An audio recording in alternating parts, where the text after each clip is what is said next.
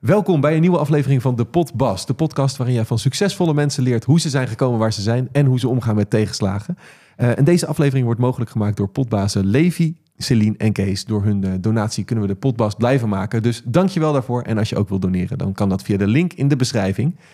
En ja, een bijzondere aflevering vandaag. Samen met uh, Loisa Lamers. En Ja. we waren net even het geluid aan het testen. En jij zei, wij moeten iets doen. Ja, ik vind dit echt voor het eerst. Ik heb wel wat vaker podcast gedaan. Dat, dat ASMR, dat ASMR-gevoel. Deze microfoon is zo sensitive dat ik eigenlijk bijna allemaal. Ik wil een keer.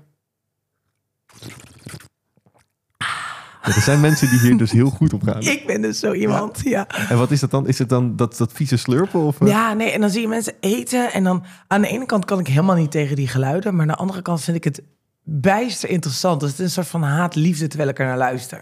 Ik ben geen uren eraan te spenderen hoor. Maar ik weet niet. Het heeft al wat. Hoe zouden we deze potbast eh, als eh, ASMR kunnen beginnen? Dus het is een beetje, denk ik, even de, het papier.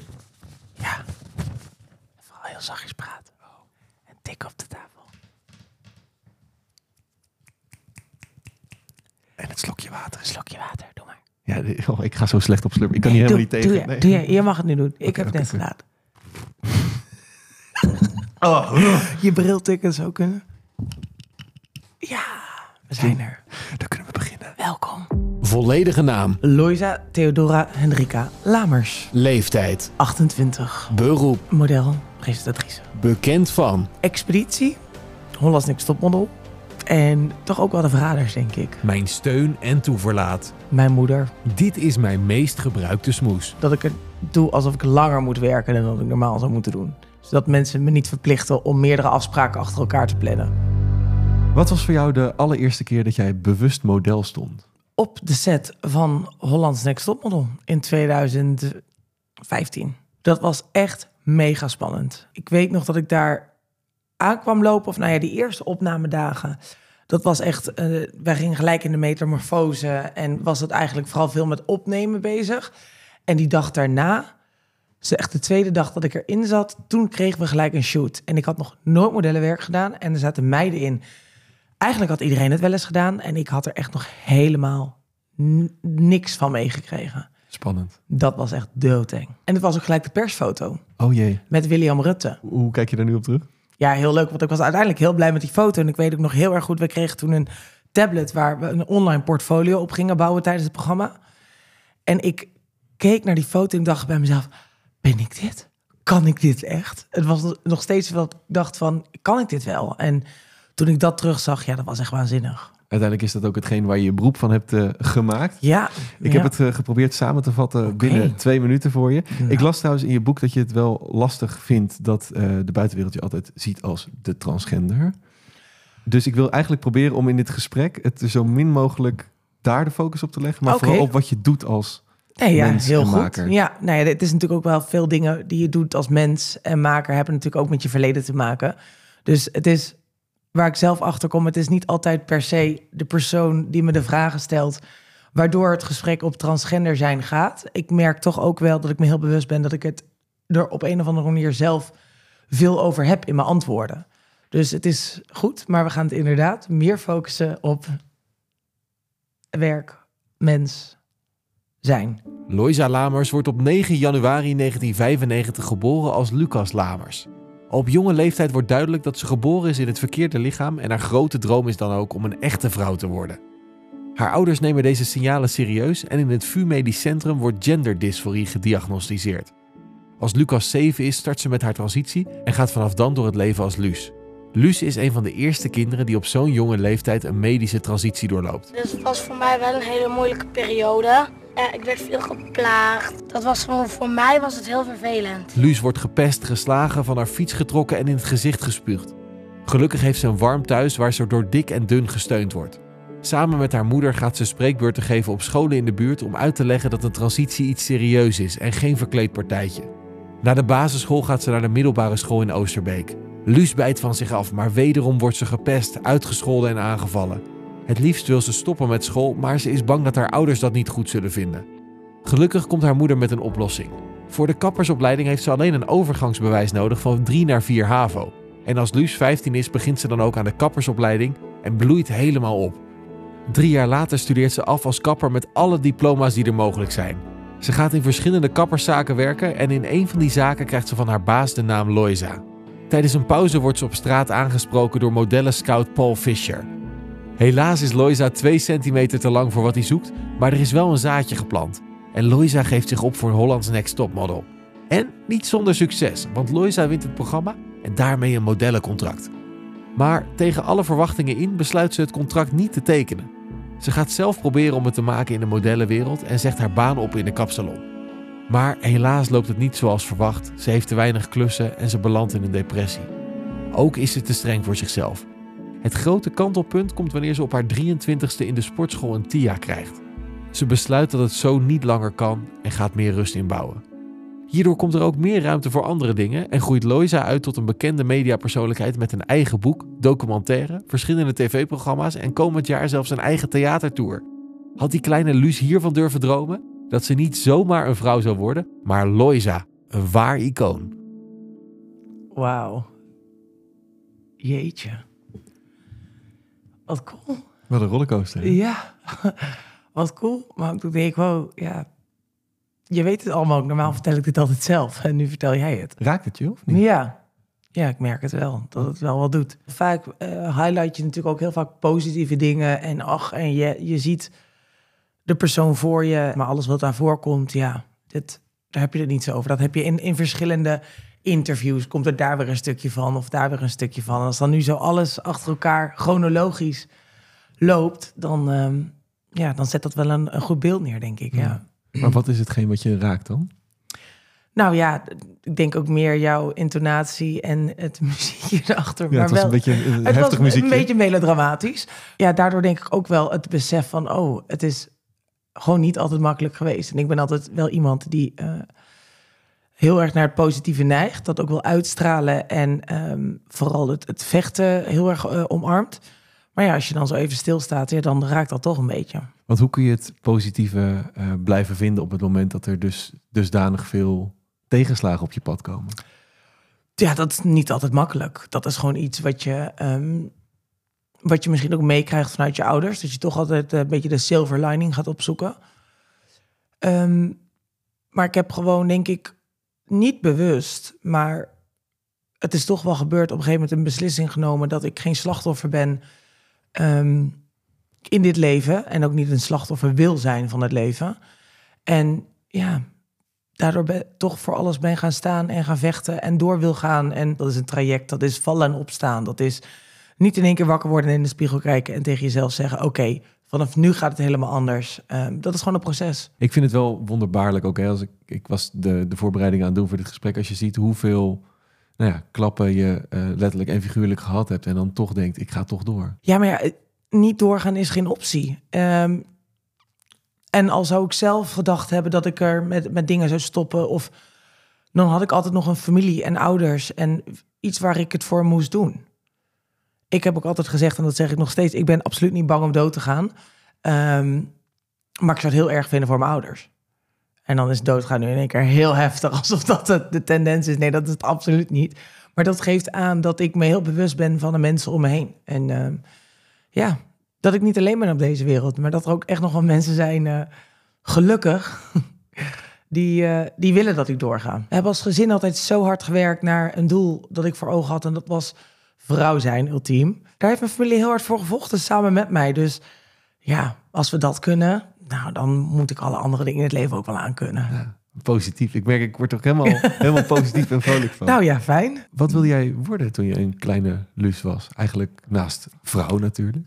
Ik wilde ehm, kapster. Ik ben heel zachtjes mijn glas aan het Oh ja, ja tot, tot zover de ASMR. ja. We kunnen het gewoon omarmen. Ja, we kunnen het omarmen. Nee, eh, kapster en eh, make-up artist. Ja, dat was echt... eh, en dan het liefst eh, bij musicals, bij fotoshoots. ehm, echt aan de andere kant. Want wat was hetgene wat je daar zo aan trok dan? Ja, het creatieve. Mijn tante heeft een eigen kapperszaak in Wageningen. En daar was ik als kind zijnde altijd al heel graag. En dan ging mijn nichtje mijn haren wassen. En dan, dat was voor mij iets, iets wonderbaarlijks. Ik, ik had daar gewoon iets mee, affiniteit. En ik zag mijn tante dan. En ze was ook nog eens eigenaresse van een hele grote zaak. En ja, het kappersvak, het trok me. Ik vond het magisch en ik zag haar staan als een of andere boss bitch. En dan dacht ik, ja, dit is gewoon wat ik wil. Toen ook al gelijk tegen je ouders gezegd, joh, als ik later groot ben, dat wordt dan op school toch ook gevraagd van wat wil je ja, worden? maar goed, dan komt nog een keer president tussendoor. En ik wilde wat advocaat worden. En uh, stewardess leek me ook heel erg leuk. Ja, dus dat heeft echt nog wel even gewisseld. Ja, dat is. Kijk, dat vind ik dus het lastige van. Uh, als we het niet te veel willen hebben over natuurlijk de, de weg die je hebt afgelegd. Ja. Maar het is wel onderdeel van je zijn. Ja, maar dat is het dus ook. En dat is wat ik zeg. Dat is, het, is, het is gewoon wie ik ben. En, ja. en heel veel mensen putten um, een verhaal en hun kracht en hoe ze vandaag de dag in het leven staan uit het verleden, net zoals ik. En daar zijn dingen in gebeurd. En dingen, ja, horen daar gewoon bij. Dus ik, ik vind dat zelf ook nog iets wat, waar ik dan in Hè, waar ik een lijn in opzoek van wanneer heb je het erover, wanneer niet. Maar ja, goed, het is wie ik ben. Dus we kunnen ook wel zeggen, we gaan het er niet over hebben. Maar dat zou bijna een beetje het verlogenen zijn van wie ik ben als mens. Want door die manier, door die schade en schande ben ik wijs geworden. Ja, en daar, daar put ik vandaag de dag mijn kracht, mijn energie en ik denk ook mijn karakter uit. Ja. ja, want op een gegeven moment kom je er dus als kind achter van ik... Uh ik ben anders dan de rest. Ja. Ik voel me anders dan de rest. Ja. Weet, je, weet je nog wanneer dat echt was? Dat is denk ik een beetje toch in groep 5, 6 geweest. Dat je op een gegeven moment een beetje het verschil krijgt tussen jongens en meisjes. In een kring dat je om en om moest zetten, dat klopt het niet. Maar het is ook iets wat mijn ouders al heel snel hebben opgepakt. Waardoor ik nooit een bepaalde coming-out heb gehad voor mijn gevoel. Of, uh... nee. nee, het is heel, heel organisch eigenlijk gegaan. Hoe gek dat misschien ook klinkt. Uiteindelijk uh, heb jij ook uh, nou, als, als, als kind meegewerkt aan een documentaire. Er zat ook een fragmentje ja. net van in het voorstel. Ja. Waarom moest je lachen toen je ze hoorde? Ja, dan hoor ik die, uh, die eigenwijze, weet je toch, beide handen, handen stem. En dan denk ik, ja, dat was ik. Veel te wijs voor de leeftijd. maar die docu heeft jou best wel lang achtervolgd, overal waar je kwam. Mega, ja. Eigenlijk is het, het, grappig bijna dat ik dat op die leeftijd, dat wij daar al zo bewust van waren. Oh, we kunnen hier andere kinderen mee helpen. Um, internet was natuurlijk net upcoming. Um, ik had het gedaan voor de VPRO, dus dat was tv. En, maar op een gegeven moment ging het dus ook op internet. En dat hadden we even niet zien aankomen per se. Um, en daardoor, als je mijn naam googelde, kwam je eigenlijk altijd die docu tegen. En ik moet wel zeggen dat ik op jonge leeftijd eigenlijk niet echt, vooral de puberteit, de tienerjaren, niet echt per se de behoefte had dat als je mijn naam zou googelen, ja, dat dat dan zo en plein publiek naar buiten zou komen. Dus Nee. dat, was, dat was minder, eh, vond ik toen die tijd. En daarom heb ik uiteindelijk ook van Luus mijn naam veranderd naar Loisa. Zodat ik lekker in de anonimiteit kon blijven. Ja. Nou, dat is goed gegaan. Toen ging je meedoen aan tv en toen dacht je, nou, laat ik het nog een keer doen. dat is goed gegaan. Ja, maar dat was natuurlijk toen uiteindelijk een bewuste keus. Ja. Hoe is dat dan, zeg maar, als je op de basisschool natuurlijk eh, daar al wat, wat klasgenoten hebt die zeggen van, nou ja, ik weet niet helemaal of we eh Luus, Luus willen noemen, eh, die daar wat van vinden. En dan kom je uiteindelijk op een nieuwe school, denk je, schone lei, dan begint het weer. Ja, natuurlijk, het is niet altijd prettig geweest. Maar dat wil ik zeggen, als ik er nu op terugkijk... ehm, het, het is wat het is, of zo. Ik, ik heb het echt... Ik heb er echt gewoon... Het komt bijna weer neer op... Ik had gewoon geen keus. Ik moest door, dus het was echt vervelend en heel verdrietig. En ik heb er echt verdrietige nachten en dagen... en zoals mijn buikpijn naar school. Maar ja, er was geen andere optie, dus ik moest wel. Maar ik, ik vond het niet fijn dat ik het niet zelf in de hand had. ehm, wie het zou zien en wanneer iemand het zou zien en mijn verhaal zou weten. Dat Ja. vond ik vervelend. Dat ik niet zelf die controle had. En ik hou van controle. En uiteindelijk ben je daarom ook eh, de, de, de presentaties gaan geven op scholen, toch? Van, hè, om uit te leggen van, Nee, de presentatie op school heb ik echt gedaan om het pesten tegen te gaan. Dat was eigenlijk mijn moeders idee om te zeggen van... luister, als ik die kinderen kan gaan uitleggen wat het nou precies inhoudt... want het was natuurlijk best onbekend in mijn tijd... en hoe ging dat dan? Dan kwam je bij een groep 8, denk ik, of zo. gaan we toch heel veel over het Ja, kut, hebben. hè? kut, kut, kut, kut, kut. Ja, kut, ja. Dat is wel waar, maar ik, ik probeer het ook een beetje te begrijpen Ja. zeg maar, op sommige vlakken. Ehm, en het, ik denk dat het ook niet per se over ehm, het trans zijn is, maar meer over het, het vechten, het uit willen leggen, het, eh, het willen helpen van mensen. Ja, nou ja, dat is, dat is wel echt een thema geweest. Die ik overigens in mijn tien jaren niet per se zo voelde. Nee. Toen dacht ik echt bij mezelf, ik wil gewoon ik zijn. En je wordt natuurlijk een beetje opstandig. En eh, dat ik echt dacht, ik wil het gewoon op mijn manier gaan doen. En ehm, ja, toen had ik dat gevoel minder. Ja, Wat wel weer terug is gekomen natuurlijk tijdens mijn periode met Hollands Next Topmodel. dat mensen dus eh, van alles gaan vinden van je, bedoel je? Nou ja, dat, dat vinden is niet per se het ergste.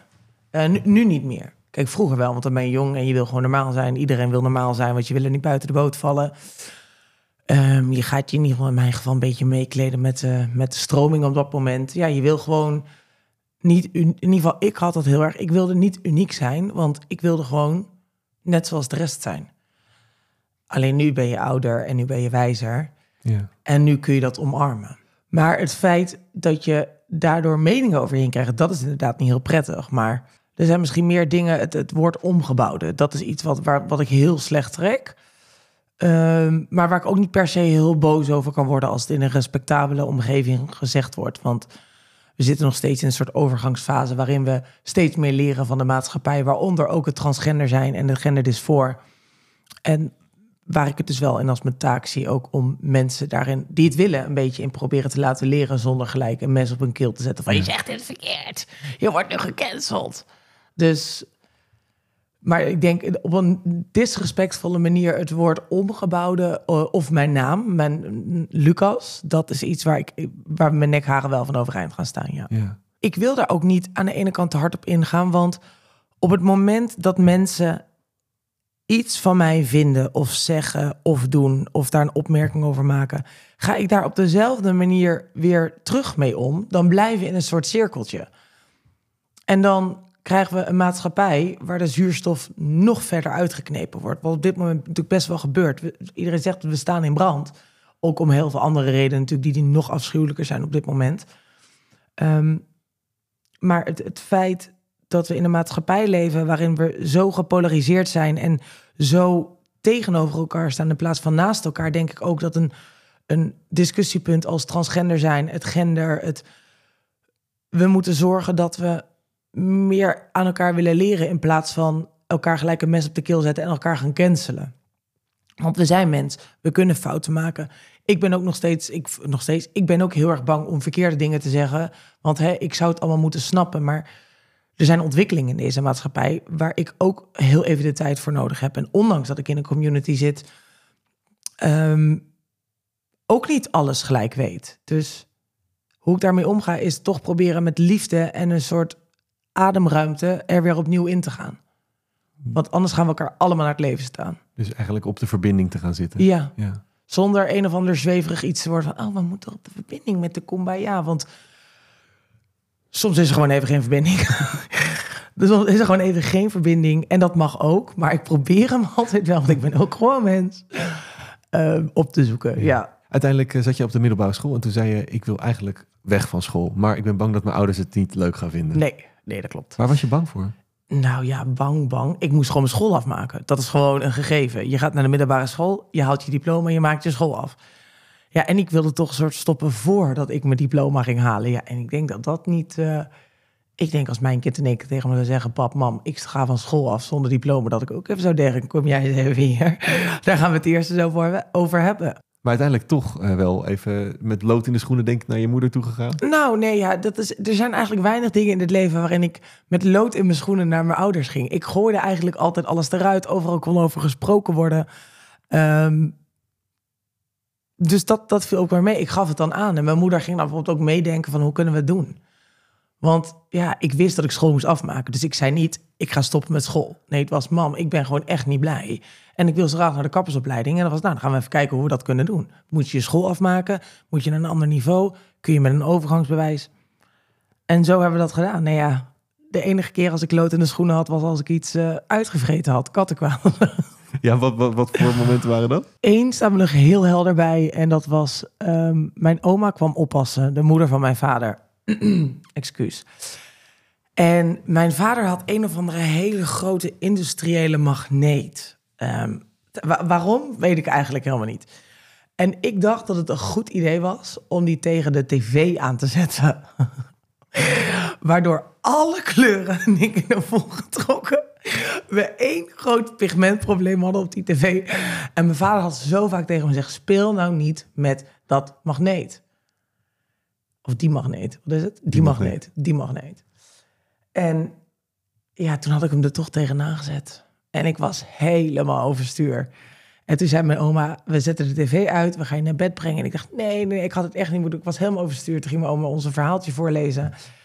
En ik denk, ja, ik mag morgen gaan vertellen dat ik die tv kapot heb gemaakt. Ik krijg echt zwaar op mijn kop. En vervolgens, en ik daar een half uurtje voorlezen, gaat ze weer naar boven en zet ze de tv aan. En ze zegt, Luus, de tv doet het weer. En toen dacht ik echt mezelf, oh, thank God. Dus dat zijn van die momenten waarin ik in, met lood in mijn schoenen naar mijn ouders had moeten gaan. Ja, Maar als dat het is, toch? hey, hallo. Dan is het goed. Precies. Maar waar is die magneet nu? Dat weet ik niet, die heb ik nooit meer gezien. Ik je gewoon met dat ding nog steeds eh, op, eh, op Nee, nee, nee, nee, nee, nee. Maar uiteindelijk kwam je dus eh, op de kappersopleiding. Echt een verademing voor jou. Ja. De plek waar je naartoe wilde. Ja. Eh, wat maakte dat zo leuk? Ik kon mijn ei kwijt. Dit is wat ik wilde. Creatief zijn. ehm, mooie dingen maken. Met mensen bezig zijn. eh, niet in mijn boeken zitten. Ik ben in dat opzicht gewoon veel praktischer dan dat ik theoretisch ben. Ehm, dus ja, ik, ik werd daar heel gelukkig van. Ja, ik werd daar echt heel gelukkig van. En ik leefde op en ik leerde leuke mensen kennen. En ik moet zeggen, in mijn beleving ehm, was mijn middelbare school een vrij stijve school. Toen die tijd ook een vrij witte school, waar ook wel wat, eh, in mijn beleving, wat meer welgesteldere kinderen naartoe gingen. Nou, ik kwam uit een heel ander gezin natuurlijk. Ehm, en de kappersopleiding was gewoon een mix van alles. En dat was zo lekker. Ik had gewoon elke, elke persoon was daar gewoon. Andere etniciteit of andere eh, etnische achtergronden, eh, andere opvoedingen. Het was gewoon heerlijk. Het was. I loved it. Ja. Ik hou van verschillende mensen. Ik hou van wisseling, niet één ding. En dit, dit had het allemaal. Maar dan komt daar ook weer een punt. Sorry dat ik het er weer op moet gooien. Maar dat dus de docu weer naar voren kwam. Ja, dat was op een gegeven moment in een klaslokaal. Ja, werd er wel over gesproken. En toen gingen ze toch een keer tijdens een of andere computerles... gingen ze toch kijken. En dat was wel heel vervelend. En toen? Hoe heb je dat aangepakt? Toen ben ik voor de klas gaan staan en eh, met mijn mentor en heb ik iedereen verteld die bij mij in de klas zit hoe het precies zit. En daarna was het eigenlijk ook klaar.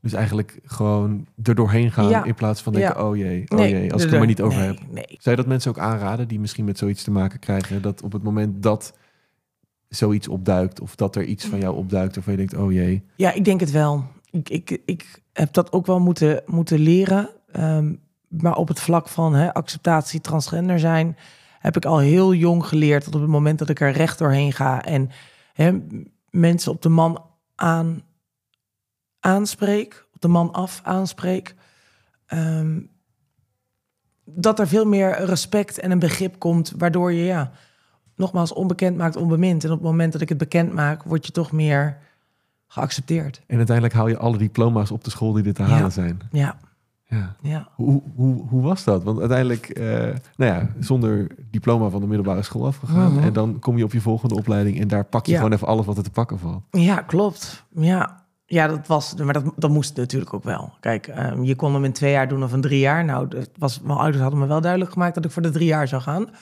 Ehm, want eh, je gaat dan van de middelbare school af, maar die twee jaar, dat, dat wordt drie jaar. En dat was ook prima. Want ik wilde gewoon eh, alles leren. En ik was volgens mij ook 17 toen ik al mijn kappersdiploma's had gehaald.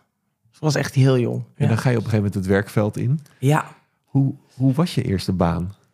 Nou, de eerste baan was eigenlijk ook gelijk een stage. Ik mo- moet zeggen dat ik nooit helemaal uit de stageperiode ben gekomen. Want na mijn kappersopleiding was ik natuurlijk 17,5, bijna 18. En toen ben ik naar de grimeursopleiding gegaan. Dus echt de special effects, make-up, pruiken maken, dat soort dingen. En toen kon ik wel blijven werken in de kapsalon... waar ik eh, uiteindelijk de tweede zaak waar ik in ging werken... die me ook de naam Loisa heeft gegeven... Ehm, daar bleef ik wel werken op de zaterdag en de vrijdag. En dan moest ik daarnaast nog wel stage lopen met musicals, introdans, dat soort dingen. Dus ik heb nooit fulltime alleen maar in de zaak gestaan. Hoe was dat als beginnende kapper? Om daar tijdens zo'n stage... Waar... Mega spannend. Ja. en ik had ook wel een, ehm, een, eh, een werkgeefster bij mijn eerste stageplek. Dus toen ik echt met de kapseleiding begon, moet je een stageplek hebben. Nou, die had ik, die had mijn moeder voor me geregeld. Thank you, mam. En ehm, dat was heel leuk. En in het begin wordt er weinig van je verwacht. En op een gegeven moment moet er meer van je verwacht worden. En ik moet zeggen, ik had een werkgeefster die, die mij best wel intimideerde. Ik was best wel een beetje bang voor haar. Ik kon haar soms ook wel een beetje... ehm, valsig vinden. En daar ging ik heel slecht mee om. En, en dat vond ik heel moeilijk. Ik, ik, ik- het voelde soms onredelijk. Oh, als ze dit straks terugluistert, heb ik echt zo nog. Namen, Nee, maar het was- rugnummers, nee, adres dat- van de kapsel. nee, nee, nee, dat ga ik echt niet doen. nee, maar goed, dat, dat vond ik wel heel moeilijk. En ik. ehm, Ja. Maar hoe ga je daar dan mee om? Nou ja, ik, ik denk verkeerd. Want ik ging heel erg ehm, in het. ehm, in het pleasen zitten. In het, in het mezelf soms van de domme houden. In, oh, zorgen als je maar laag genoeg blijft, ehm, dan waait het wel over je heen. Dus daar ben ik eigenlijk helemaal niet zo hap te hard tegenin gegaan. Daar ben ik een beetje eh, mee gaan buigen. En, en gaan aanvoelen van, oké, hoe kan ik zorgen dat ik de minste wind van voren krijg? En daar werd ik dus eigenlijk ook wel een beetje onzeker van in het kappersvak. Terwijl ik op school, ehm, ik wil niet zeggen de beste van mijn klas was, maar ik was echt, ja, ik eh, was heel eh, vooruitstrevend en ik, ehm, ik, ik, ja, ik deed, ik deed gewoon echt heel erg goed. En op school maakte ik de grootste creaties en in de kapperszaak hield ik mezelf wat kleiner, want hè, hoe hoger je met je kop boven het maaiveld uitsteekt, hoe, hè, hoe meer je de wind van voren gaat krijgen. Dus daar in de zaak op een gegeven moment ook na, na twee jaar, denk ik, werd ik daar ook steeds ongelukkiger in die zaak. Dat ik dacht, oké, ik moet ook iets anders gaan doen, want ik moet. Ik werd daar klein gehouden voor mijn gevoel. Omdat je ook niet jezelf kon zijn. Nee, ik wil. Nee, nee. Nee. Hoe zou je dat nu aanpakken? Ja, weet ik niet. Ik, ik zou dat natuurlijk niet weer aan willen pakken op die manier. Maar ik denk ook dat het een beetje is hoe je in het, in het leven staat. Ik denk dat ik ook heel erg gewend ben aan ehm, hoe sterk ik ook, ook misschien lijk en overkom. En dat ach, ze doet echt alleen maar haar eigen ding. Ehm, zit er ook iets heel kleins en heel gevoeligs in mij, waarin ik feilloos aanvoel wat een ander voelt. De onzekerheden, dat is ooit eens een keer in de therapie wel naar boven gekomen. Ehm, omdat ik op zo'n jonge leeftijd nog zoveel gepest ben, dan ga je op een gegeven moment erkennen wat het pestersgedrag is. Die tekortkomingen ga je proberen op te vullen, zodat je niet gepest wordt. En dat is een beetje mijn overlevingsmechanisme door het leven heen geworden. En ik denk dat dat er nog steeds soms wel in zit. Ik voel anderen feilloos aan. Ik ben heel erg bezig met een, een ander op het gemak stellen. Heel erg leef ik in wat u niet wil dat u geschiet, doe dat ook een ander niet. Terwijl ik soms misschien wel eens denk, oh, ik zou echt nog meer voor mezelf mogen kiezen, weet je wel. Veel minder rekening houden met wat vindt een ander fijn of hoe, wat zou de ander graag van me willen horen. En Het is een lastige, een lastige hè, om daar die stap bewust te maken dan. ja, en ik, ja, dat is het wel. Ja. Ja. Ik vind dat zelf vaak ook dat je dan denkt over... Oké, maar als ik nu het voor jou goed maak... dan zal het uiteindelijk voor iedereen goed zijn of Ja, zo? nou ja, dat. En ik merk ook bijvoorbeeld als dan in interviews of podcasts of dat soort dingen zit, dat je toch heel voorzichtig bent in wat je zegt. En dat is in de basis niet iets heel slecht. Kijk, ik vind wel, ehm, ik en, en vele mensen met mij hebben gewoon een bepaald podium waar je meer mensen bereikt. Dus ik vind het niet per se iets slechts als je daar bewust mee omgaat en niet alles eruit gooit, omdat nogmaals, we leven in een maatschappij waar heel veel mensen nu dit moment denken, we gooien alles eruit. Eh, is vaak ten goede, maar soms ook gewoon absoluut niet ten goede. Maar dat ik wel eens denk, oh, ik zou wel misschien toch iets meer eerlijk willen zeggen waar ik bijvoorbeeld iets over zou vinden en denken zonder te denken van, oh, stoot ik mensen daarmee tegen het hoofd, vinden mensen dat vervelend. Dat vind ik dus het lastige ook aan deze tijd. Ik merkte ook tijdens het eh, voorbereiden voor, hè, voor dit gesprek... ook met het voorstelfragment, dat ik dacht van Mhm. ja... mag ik de naam Lucas voorbij laten komen Ja. of niet? Of weet je, want soms Ja. dan ben je eigenlijk, eigenlijk voor, voor jou aan het denken... Ja. in plaats van dat je gewoon de vraag stelt... wat ik uiteindelijk toen ook heb gedaan aan jouw manager. Van, Precies. kan dat? Ja, en dat, dat is het gewoon. Het is, het is een beetje common sense, weet je wel. Gewoon, nogmaals wat ik zeg, wat u niet wil dat u geschiet, doe dat ook een ander niet. Dat is eigenlijk iets heel simpels en dat is volgens mij zo oud als de weg naar Rome. Maar het is eigenlijk heel makkelijk. Maar hoe heb je het uiteindelijk opgelost bij die kapsalon? Uiteindelijk ben ik ontslagen. Wat had je gedaan? Nee, niet zoveel. Ik Met kreeg die magneet weer langsgekomen? ja, al die spiegels van de muur af. Nee, ik, ehm, ik kreeg de kans om een maand eh, stage te gaan lopen in Spanje. En wat ik al zei, ik was 17 en een half volgens mij. Dat was dus het laatste jaar, mocht ik een maand gaan stage lopen in Spanje. Dat werd ook be- betaald door een bepaald fonds. Nou, dat vond ik natuurlijk een waanzinnige eh, kans om in een eh, kapperszaak in Spanje te gaan eh, stage lopen. En mijn ouders vonden het ook een goed idee voor je. Hè? Het wereld worden, je ontwikkeling Alleen de kapperszaak waar ik werkte was het daar dus niet zo mee eens. Want ehm, een jaar later zou mijn operatie er ook aankomen. Ja, en dan was ik ook drie maanden uit de roulatie. En dan nog een maand stage. Ja, dat vond ze toen toch wel te veel. En ja, toen heb ik wel voor mezelf gekozen en gezegd... ja, sorry, maar dan ehm, wil ik wel gewoon echt naar Spanje. Want ik ben, ik ben 17, ik moet dit soort dingen echt nog meemaken. En daarbij, mijn operatie is iets wat totaal niet ter discussie staat. Dus ja, dan ga ik gewoon voor Spanje. Um, het heeft gezegd, oké, nou ja, dan, uh, dan, uh, dan ga ik op zoek naar iemand anders. En toen heb ik gezegd, uh, doe maar. Ook doei. Ja. Ook doei, nee, ja, had ik echt moeten zeggen, ook doei. Nee, dat heb ik niet gedaan. Maar uiteindelijk is op zoek gaan naar iemand anders. En liep mijn contract eraf. En ben ik lekker naar Spanje gegaan. En daarna teruggekomen en in een nieuwe zaak begonnen. Hoe was het in Spanje? Was het het waard? Afschuwelijk. Oh. Afschuwelijk. Ik heb me nog nooit zo ongelukkig gevoeld in mijn leven. Zei ze met een grote lach. Ja, het was echt, ja, omdat het dus echt gênant is. Ik heb nog nooit zoveel heimwee in mijn leven gehad. Vanaf dag één heb ik mijn hu moeder huilend aan de telefoon gehad. Ik heb iedere dag gehuild om mijn moeder. Ik wilde naar huis. Ik vond de meiden verschrikkelijk waar ik mee op stage was.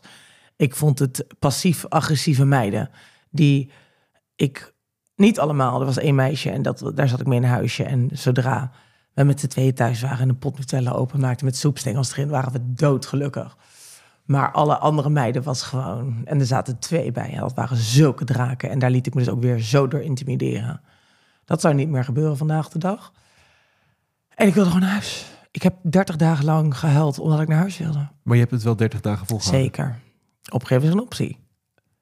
Ik heb A gezegd, dan moet ik ook B zeggen. Ja, en doorgaan, ook al gaat het ten koste van jezelf. Zeker. Zeker. Het was, het was afschuwelijk. Echt afschuwelijk. Maar hoe maak je dat dan draaglijk voor jezelf? Want, dat weet ik niet. Als wat zei je moeder toen je er belde? Nou ja, die had wel paniek. En op een gegeven moment hebben we ook wel, denk ik, moet ik wel heel eerlijkheid bieden, gebieden. Dat wel, dat ik op het moment heb gedacht, ik ga naar huis. Maar ja, het werd voor je betaald. En als je het niet afmaakt, dan moest je het ook terugbetalen. En dat was best wel een bedrag. Dus ik zat een beetje... Gewoon maar even doorbijten. Ik moest wel. Want anders uh, had ik gelijk een soort van studieschuld. Dit is wel een soort patroon, hè? Dat je dan ergens stopt om ergens anders te beginnen en het moet afgemaakt worden. Ja, ja, ja ik, ja, uiteindelijk ja. Dat is wel, als je A zegt, moet je ook B zeggen. Ja. Ik weet niet hoe ik het helemaal gemanaged heb. Ik, ik, Gewoon hoop houden dat het goed komt. Dat denk ik. Ja, dat je ooit weer naar huis mag. Dat ik ooit weer naar huis mag, ja. En uiteindelijk loop je dan uh, een paar jaar later op straat. Uh, je gaat boodschappen doen en daar is ineens de modellen scout die zegt: Ja. Hey, je ziet er wel leuk uit. Ja, klopt. En ook fotogeniek en ook knap. En uh, je hebt wel de maten. Alleen, nou, ik was het wel iets te lang. Maar ja, dat was wel iets waarvan ik dacht: hey, dat is een zaadje geplant. Maar voelde dat ook als dat hij de waarheid sprak voor je? Of dacht je nee, van, nee, nee. Het was ook helemaal niet. En ik moet ook zeggen dat ik me toen opgegeven heb voor Hollands Next meer uit een soort van droom, maar absoluut niet vanuit de realiteit. Dat ik dacht, dit gaat mij lukken of ik kom überhaupt door. Want wat waren je gedachten dan? Nou, ik ga het gewoon proberen. Ik was een fan van, van het programma vroeger met mijn zusje en mijn moeder. Mijn zusje wilde het altijd doen. Uh, die heeft het uiteindelijk nooit gedaan, nooit opgegeven. En toen dacht ik, ach, laat ik het eens een keer proberen. Opgeven is geen optie. Opgeven is geen optie. Uiteindelijk win je dan uh, Hollands Next uh, Topmodel. En je krijgt een contract aangeboden. Um, een droom voor veel... Ja, zet je glas maar neer. Ja. uh, een droom voor veel mensen. Mm -hmm. um, en jij zegt, het voelt niet goed, ik ga het nee. niet doen. Nee, dat klopt. Ja. Maar wat, wat, wat, wat, wat voelde er niet goed? Ja, dat zijn gewoon dingen, daar praat ik eigenlijk nooit over. En dat doe, dat doe ik gewoon nog steeds niet, ook al is het bijna tien jaar geleden volgens mij nu. Um, dat is gewoon toen de tijd iets um, waar we gewoon niet uitkwamen. Dat waren gewoon dingetjes contractueel. En we hebben gewoon met elkaar besloten dat we dan onze eigen weg zouden gaan. Dus dat wordt natuurlijk ook heel veel spannender gemaakt dan dat het was. Ja. Um, het was moeilijk, het was spannend. Je staat toch tegen, tegenover, ja, wel mensen. Maar ja, in dat opzicht ben ik toch mijn gevoel gaan volgen. En um, tot nu toe heeft mijn gevoel me nog nooit in, steek, in de steek gelaten. Dus. Nee. nee, maar dat is wel denk ik ook herkenbaar voor mensen. Dat je op je werk iets uh, voorgeschoten krijgt. Dat je denkt, ja, ja, dit gaat zo in tegen wat ik wil. Ja, maar ja, dat is ook moeilijk om soms te zeggen. Kijk, en vaak hebben we ook nog als mens de neiging om onszelf te gaan overtuigen van... Hè, het zal wel, het zal wel, het zal wel. En soms pakt dat niet slecht uit. En soms wist je gewoon van begin af aan al dat het gedoemd was te mislukken. Maar wat nou als dat gevoel dan ingaat tegen wat iedereen verwacht? Dan is het heel moeilijk. En dan, dan ja, niet iedereen heeft ook de luxe om dat gevoel achterna te gaan. Um, maar ja, het is denk ik toch wel het beste. Wat zou je tegen mensen willen zeggen die nu in zo'n situatie zitten? Die misschien een contract voor de neus krijgen. Die denken, ja. Ja. ik weet niet of ik het wil. Ik weet niet of ik het moet doen. Maar het is misschien wel beter. Nou ja, weet je, als je gewoon, dat is eigenlijk veel makkelijker gezegd dan gedaan. Maar als je geen goed gevoel hebt, moet je het gewoon niet doen. Dat is gewoon heel simpel. Alleen, wat ik zeg, de luxe heb je misschien niet altijd. Eh, de omgeving die misschien je zo in een bepaalde positie duwt... dat je wel denkt dat je het moet doen. Maar eerlijk is eerlijk, ja, zegt je gevoel nee... dan is het antwoord eigenlijk ook nee. Nee. Dus jij zegt, ik eh, teken dat contract niet. En dan eh, komt een periode dat je denkt, dan ga ik het zelf doen. Ga ik freelancen. Ja, dat was heel pittig. Ja. Ook omdat er toen die tijd een manager was die, eh, of een persoon was die mijn manager wilde worden. En dat elkaar best wel over, overlapte. En ehm, ja, die zei dat het ook allemaal wel, wel goed zou gaan. En kunnen, ja, dat, op die manier ben ik verder gegaan, ja. Ja. Maar hoe, hoe is dat dan op het moment dat jij denkt van, nou, dit gaat het worden. Ik heb een programma gewonnen. Ik doe ertoe. Eigenlijk heel naïef natuurlijk. het is heel naïef om te denken dat je na drie maanden productie in één keer eh, een, een model bent van kaliber. ehm, en dat je denkt dat je ergens eh, staat. Want eigenlijk sta je gewoon nog helemaal onderaan de voedselketen. En moet je er gewoon nog heel hard voor werken. En het was zeker wel een opstap. Hè? Ik moet echt niet zeggen dat, eh, ehm, dat het niks is. Want kijk waar ik ben. Dat komt natuurlijk wel omdat ik ooit er niets mee heb gedaan. Je moet gewoon nog wel heel hard werken. Want als je dan de echte wereld inkomt, moet je gewoon jezelf nog gaan bewijzen. En dat is gewoon heel moeilijk en heel pittig. En ehm, aan de andere kant ben ik niet vies van hard werken. En paste ik me daar ook gelijk weer op aan. En, en gingen we. Je hebt een maand in Spanje gezeten. Heb je ook overleefd. heb dus ik ook kan overleefd. Dan kan ik alles aan. Dan kan ik echt alles aan. Maar dit is ook iets wat mensen wel tegenhoudt. eh, soms om te gaan freelancen. Van hè, die onzekerheid, die angst. eh, Ja, ga ik het wel eh, Ja. redden? Wat, wat, zou- wat heb je geleerd in die periode? nou ja, dat je echt moet incalculeren dat je ook gewoon gaat vallen. En is het niet morgen, is het niet vandaag? over twee jaar, dan is het misschien wel drie jaar. Ondernemen is gewoon op een gegeven moment een keer vallen. En er zijn mensen die geluk hebben, die van begin af aan een hele lange tijd alleen maar in een stijgende lijn gaan en, en waar het niet, niet op kan. En sommige mensen hebben een, een, een, pittige start dat je bijna tegen punt staat van, oh, ik weet niet meer of ik dit nog wel moet doen. Ehm, en dan gaat het toch in één keer. En anderen die gaan heel snel, heel kort en die vallen uiteindelijk toch. Dus je moet gewoon altijd, inko- altijd rekening houden met mindere dagen, mindere periodes en, en heel bewust zijn. Want uiteindelijk, eh, je zit op een gegeven moment thuis. Je wacht bij de telefoon tot je gebeld gaat Ja, worden. ja, ja. En dan word je niet gebeld. Nou, ik werd er vooral te weinig gebeld. Ja, ik wilde gewoon iedere dag van de week. eh, en dat was het niet. Kijk, ik moet het ook niet helemaal, helemaal omlaag trekken. Want ik ben uiteindelijk wel echt de wereld over gevlogen. En ik heb echt op heel veel fashion weeks gestaan. En ik heb echt hele mooie dingen gedaan en campagnes. En... Maar ik wilde gewoon de Doutsen achterna. En laten we heel eerlijk wezen, dat heb ik niet gedaan. dat is gewoon, eh, ja, nee, daar moeten we gewoon heel eerlijk in zijn. Ja, Eh, niet, niet delusional en naïef dat ik het op dat kaliber heb gehaald. Nee, absoluut niet. Maar ik heb wel echt gewoon, en nog steeds ben ik model en doe ik modellenwerk. En werk ik. En dat vind ik heel bijzonder. ja, want je hebt wel eens ook gezegd van doordat je die droom zo had, eh, Ja. was je eigenlijk alleen maar bezig met morgen en met Ja. wat er ging komen in plaats Ja. van te genieten van het nu. Ja, en dat heeft ook, je zegt net wachten bij de telefoon, maar ik denk ook dat dat te maken had met het feit dat ik, me, dat ik mijn droom en visie was Doutsen, was eh, de, de, de, nu de, de Gigi eh, Hadid en dat was waar ik wilde staan. En elke dag dat ik daar niet kwam, was ongelukkig. Terwijl ik wel even vergat dat ik een week lang naar New York ben gevlogen en een week lang in New York ehm, Fashion Weeks heb gedaan. Dan vervolgens weer naar Berlijn vloog, dan weer terug naar New York. eh, Amsterdam, weet je. Dus ik heb wel echt gewerkt en ehm, de wereld overgevlogen en dingen mogen zien. En, en, maar het was voor mij allemaal niet de Chanel-campagnes, de Dior-campagnes, de Victoria's Secrets. En die, die lat lag zo hoog dat alles wat daar eigenlijk niet aan kon meten, niet goed genoeg was. En dat, dat vind ik heel jammer, dat ik mezelf dat ontnomen heb in die tijd. Doe je dat nu wel beter? Ik denk dat ik dat nu zeker wel beter doe. Ik merk ook dat er heel vaak aan mij gevraagd wordt: hè, wat zijn je dromen in het leven? Daar geef ik eigenlijk bijna niet eens antwoord op. Ja, ik heb dromen voor mezelf. Ehm, ik werk er heel hard voor. Als het lukt, dan ben ik heel gelukkig. Als het niet lukt, zullen er weer andere wegen zijn die ik ga bewandelen waar ik wel weer gelukkig van word. Er is niet één weg. Nee. En dat wil ik heel erg voor me houden. Ben je ook milder geworden voor jezelf? Want in die periode was je toen Nee, heel dat denk ik hard. niet.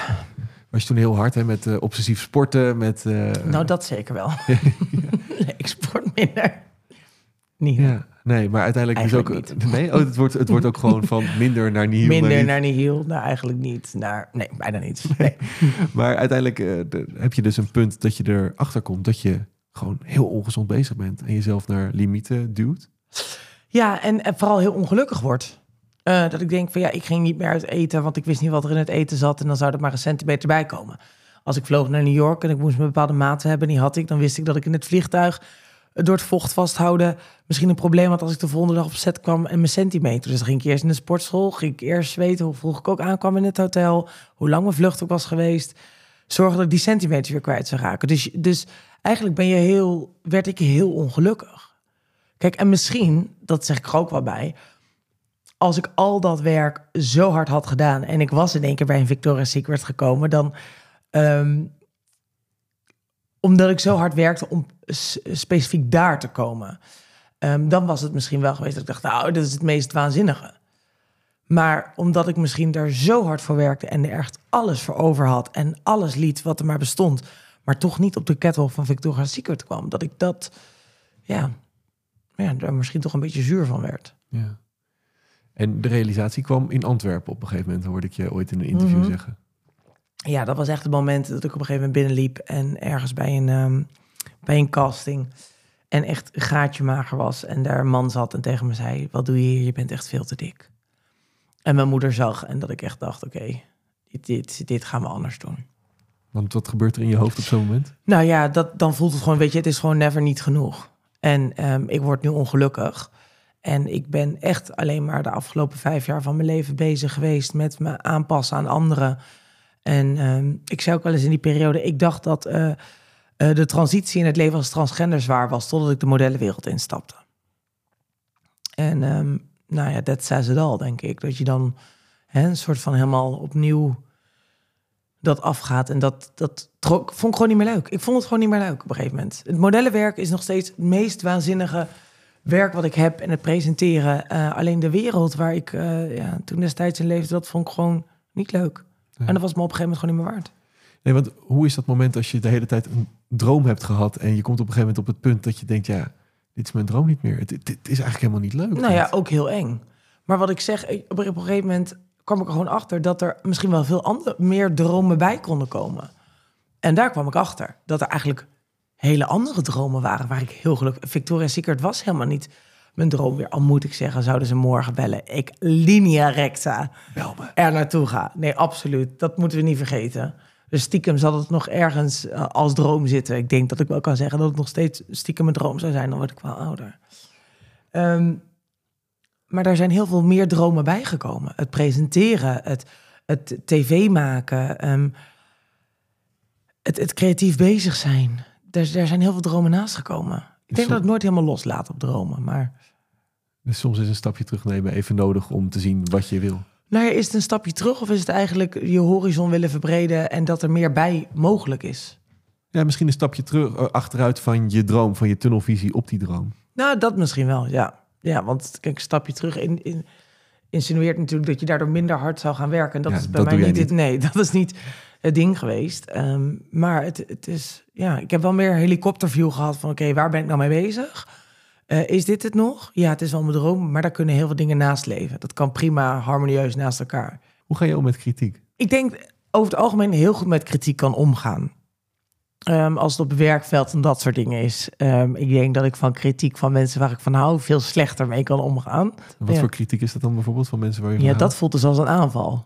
Kritiek van, van mensen eh, om je heen over, eh, ja, wat zou het kunnen zijn? Ik denk misschien de meest domme dagelijkse dingen in het leven. Dat zal zal als een aanval voelen. Ehm, omdat je ook van die mensen houdt natuurlijk. Maar op werkvlak kan ik daar heel goed mee omgaan. Omdat ik er echt geloof in heb dat mensen me beter willen maken. Dat willen mensen thuis ook wel. Maar is toch anders. ja, daar ga ik toch minder lekker mee om. En hoe bekender je wordt, hoe meer je ook te maken krijgt met meningen van mensen. Mhm. Eh, van ehm, eh, de mensen die je op tv hebben gezien of, of mensen die je denken te kennen omdat ze je van online kennen. Hoe vind je dat? Ja, daar probeer ik niet te veel bij stil te staan. Ehm, ja, tuurlijk is het soms pittig als je heftige reacties krijgt. Ehm, die je echt als persoon aanvallen. Of het feit transgender zijn, je ja, eigenlijk je bestaansrecht weg willen nemen. Dat is wel eens pittig. Maar ik, het, is, het, ja, ik heb zo'n olifantenhuid daarvoor gekregen. Ik, ik, ik laat het gewoon gaan. Ik zie het, ik denk, oh, wat, wat heftig. En dan uiteindelijk ga ik gewoon weer door. Wat zou je willen zeggen tegen jonge carrièremakers als het aankomt op dealen met kritiek? Ehm, dat je moet filteren wanneer het ehm, echt bedoeld is om je, je op te beuren en je te helpen. En wanneer het eigenlijk toch vanuit een, een bepaalde valse hoek komt. En ehm, of je er ook eens aan kan veranderen. Als je kritiek krijgt waar je eigenlijk het gevoel van hebt, dit wil ik niet veranderen of dat kan ik niet veranderen, moet je het ook loslaten. Dan hoef je ook niet overal tegenaan te gaan schreeuwen, maar pak het op, pas het toe tot in hoeverre het goed voelt voor jou. Maar zo niet, ja, dan laat het ook weer gaan. Wat voor kritiek kreeg je toen je in die kapsalon begon? Van de, van de boss bitch. Ja, dat ik dingen niet netjes afwerkte of uh, dat soort dingen. Maar zoals, luister, ik weet echt dat ik voor mezelf een verdomd goede kapper was. Echt, ik had de hoogste cijfers uit mijn klas. Ik was echt, en ik weet, ik weet heel veel dingen in het leven niet zeker, maar ik weet één ding echt zeker. Ik was echt een hele goede kapster. Maar hoe is het dan als iemand dan zegt van je, je doet het niet goed of je werkt Ja, dat vond ik heel moeilijk, maar ik luisterde wel naar ze. Ik luister wel naar ze. Kijk, ik kan het moeilijk vinden, maar het zijn denk ik uiteindelijk wel mensen. Want ook haar doel was natuurlijk wel mij zoveel mogelijk mee laten knippen in de zaak. Zoals zij gelukkig was. Dus uiteindelijk was het natuurlijk allemaal wel voor een, een, een goed doel. En dat hield ik ook voor ogen. Ook al vond ik het niet leuk wat mensen zeiden, wist ik, ze zijn hier alleen maar om me te helpen. Ja. Dus ja, dan ga je er gewoon mee om. Ik heb nog nooit tegen iemand staan schreeuwen omdat ze me kritiek gaven over iets. Nee. Het zou ook wat zijn terwijl je die klant voor je hebt zitten. Dat ze zegt, nou dat heb je niet goed afgewerkt. eh. Nou, dat zeiden ze waar modellen bij waren. Ja, Oh ja. Ja hoor, zeker. En wat het stomme was, omdat ik onzeker werd van, dan ging ik fouten maken. Terwijl als ze me gewoon mijn ding had laten doen, was het perfect. ja. Want daarom ging het op school goed. Ik moest op school mijn ding doen en dan ging het perfect. Maar zodra ik bij haar stond, nou, knik in de knieën. En dan zat mijn moeder wel eens in de stoel en zei ze, je weet hoe het moet. Hou eens op. Je weet hoe het moet. Je kan dit gewoon. Maar werd, werd zo onzeker van haar. Hoe, hoe heb je dat uiteindelijk toegepast? Hoor je je moeder nog steeds als je zulke eh, momenten hebt dat je denkt, ik word onzeker? Ehm, nee, ja. Ik word niet zo snel meer onzeker. Ik, word, ik heb spanning. Ik vind dingen spannend. Maar vroeger verwarde ik dat met onzekerheid. En nu zie ik het echt als spanning en een beetje zenuwachtig voor dingen zijn. En hoe ik dat relativeer is omdat Anouk Smulders, de presentatrice van mijn seizoen toen Hollands Next Topmodel in 2015, zei tegen mij voordat ik het podium op moest met de finale, zei ze, ben je zenuwachtig? Ik zei, ja, ik ben echt zenuwachtig. En toen zei ze, één ding moet je onthouden. Op het moment dat je dingen doet voor werk, die, waar je geen spanning meer voor voelt en die niet meer spannend zijn, dan moet je ermee stoppen. Dus elke keer als ik merk dat ik ergens zenuwachtig van word of gespannen raak, denk ik, ik ben nog steeds goed bezig. Want het is nog steeds een uitdaging. Deze podcast wordt eh, mogelijk gemaakt door onder andere de potbazen Levi, Celine en eh, Kees. Door hun donatie via petjeaf.com slash kan ik deze podcast eh, blijven maken. En het leuke is dat je als potbaas als eerste weet wie de nieuwe gasten worden. Dus zij wisten al een tijdje dat jij eh, Oh. hier te gast zou zijn. En zij mogen ook een vraag aan jou stellen. Oh, Dus als je potbaas wil worden, dan kan dat via petjeaf.com slash potbast eh, of via de link in de beschrijving. Ehm, eenmalig doneren mag natuurlijk ook. Maar er zijn eh, twee eh, potbazen deze aflevering die een eh, vraag hebben gesteld. En de eerste, dat is Nadine. Hey lieve Loisa, mijn naam is Nadine van den Berg en ik heb een eigen onderneming. En een van de dingen waar ik zelf wel eens tegenaan loop is faalangst. Daarom vroeg ik me af, heb jij nou wel eens last van faalangst? En zo ja, hoe ga jij daar dan mee om? ja, goede vraag. Faalangst. Ja, ik, ik, ik heb daar ook zeker wel eens last van. Dat ik echt bij mezelf denk van, oh, is het te goed wat ik eh, ga doen, waar ik eh, mee bezig ben? Slaat het aan? Ehm, heb ik het goed, eh, goed gedaan? Maar uiteindelijk probeer ik dan toch weer heel terug te komen op het gevoel. Is het de stap die ik zet, is het voor mij een goed gevoel? Ehm, en is het antwoord ja, dan ga ik er toch mee door. Dus ik probeer te filteren waar die angst vandaan komt. Is dat een angst om ondernemen is altijd spannend, maar is het een angst om een risico te nemen of is het een angst omdat ik tegen mijn gevoel inga? En zodra het een angst om een risico te nemen, maar het is een goede gevoel, dan ga ik het gewoon proberen. En daar kan ik er ook nooit spijt van hebben. De tweede vraag die, eh, die komt van eh, Frederik. Hi Loisa, Frederik hier. Ik vroeg me af, heb je ooit wel eens tijdens je modellencarrière ehm, verzoeken binnengekregen waar je eigenlijk gewoon echt niet achter stond? En heb je deze toen geweigerd? En zo ja, zou je me nou kunnen vertellen hoe dat, ja, hoe dat precies ging? Nou, ik hoor het wel. Alvast bedankt. Wat leuk. Ehm, ja, verzoeken gehad. Ik, ik kan niet iets specifieks bedenken. Verzoeken gehad wat ik... Klussen misschien? Waar je Ja. niet achter staat? Nee, ja, ik, ik zou bijvoorbeeld nooit een... Maar dat, ja, is niet, dat geef je bijvoorbeeld bij aan bij een bureau. Van dit zou ik niet doen, dit zou ik wel doen. Ehm, ik weet niet, ik heb niet even 1, 2, eh, 1, 2 3 een anekdote, denk ik. Nee, want wa- wat zou je niet doen bijvoorbeeld? Bond. Ik zou nooit een campagne met Bond doen. Dus Waarschijnlijk als ik zo meteen in de auto zit, denk ik... oh, dat verhaal, dat was het. Ehm, maar nee, ik, ik zou het even niet weten. Sorry. Dan stuur je nog een voice note. ik zal nog een voice er dan in. Doe maar, doe maar. Als ik nog een verhaal kom, dan stuur ik hem door. Heel goed. Ja, want hoe zeg je nee als je iets, een verzoek krijgt wat je niet wil? Je kijkt me echt aan alsof je als een hert in de koplamp Nee, ik zit gewoon na te denken hoe ik dit doe, inderdaad. Ik heb natuurlijk ook een team met mensen voor me werken... die vaak nee zeggen als ik het niet wil. Ehm, nee, ja, ik, ik, ik probeer... dat heb ik... ehm, als ik het, en dan moet ik het goed zeggen, van Chantal Jansen. Ik heb een keer met haar geluncht, ook om, hè, om haar een beetje... Omdat ik gewoon heel veel eh, bewondering heb en respect voor haar... en, hoe ze het werk doet. En eh, heb ik ooit een keer met haar, met haar geluncht... en even, ja, toch kletsen en een beetje... Hè, wie weet steken er wat van op. Zei ze ooit een keer, weet je, je mag gewoon echt jezelf zijn. En als iemand je een keer een vraag stelt van... Hè, zou je dit en dit willen doen? Toen zei ze ook tegen mij van, nou weet je... dan ben ik eigenlijk gewoon heel eerlijk. Van nou, jij luister wat super leuk en tof... maar daar moet je mij helemaal niet voor vragen. Dat, dat is toch helemaal niks voor mij.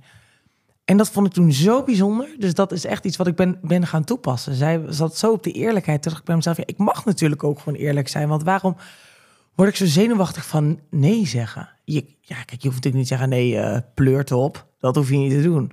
Maar je kan dus op een hele nette, eerlijke manier... Van, nou, dat is gewoon helemaal niks van mij. Nee joh, dat... En dat vond ik heel cool. Dus eh, het is mijn moeder, Anouk Smulders en Chantal Jansen. Dat is de drie-eenheid. dat is de drie-eenheid. Ja. Ja, en Ja. leuk, Chantal zit in de vorige aflevering van de Oh, podcast. echt? Ja, Nou, dat vind ik Ja. heel leuk. dus die kan je ook nog even checken straks. Die ga ik eh. ook nog even luisteren.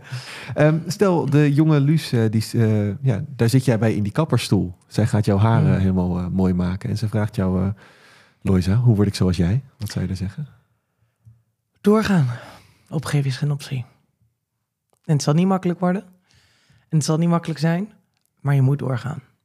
Is dat ook het ingrediënt voor succes? Dat denk ik wel.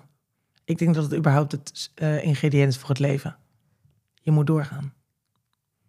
En wie A zegt, moet B zeggen. En anders is de magneter. Precies. En dat trekken we het gewoon naar me toe. Dankjewel voor, eh, voor je mooie verhalen. Nou, graag en gedaan. ik zit te denken, we begonnen natuurlijk zo heerlijk rustgevend met die Ja, en we eindigen weer. Zullen, zullen we hem ook gewoon... Ja. Ja, dan moeten we eigenlijk nog één keer over succes praten, terwijl we met Oh, die ja. dingen... ja, en dan ook.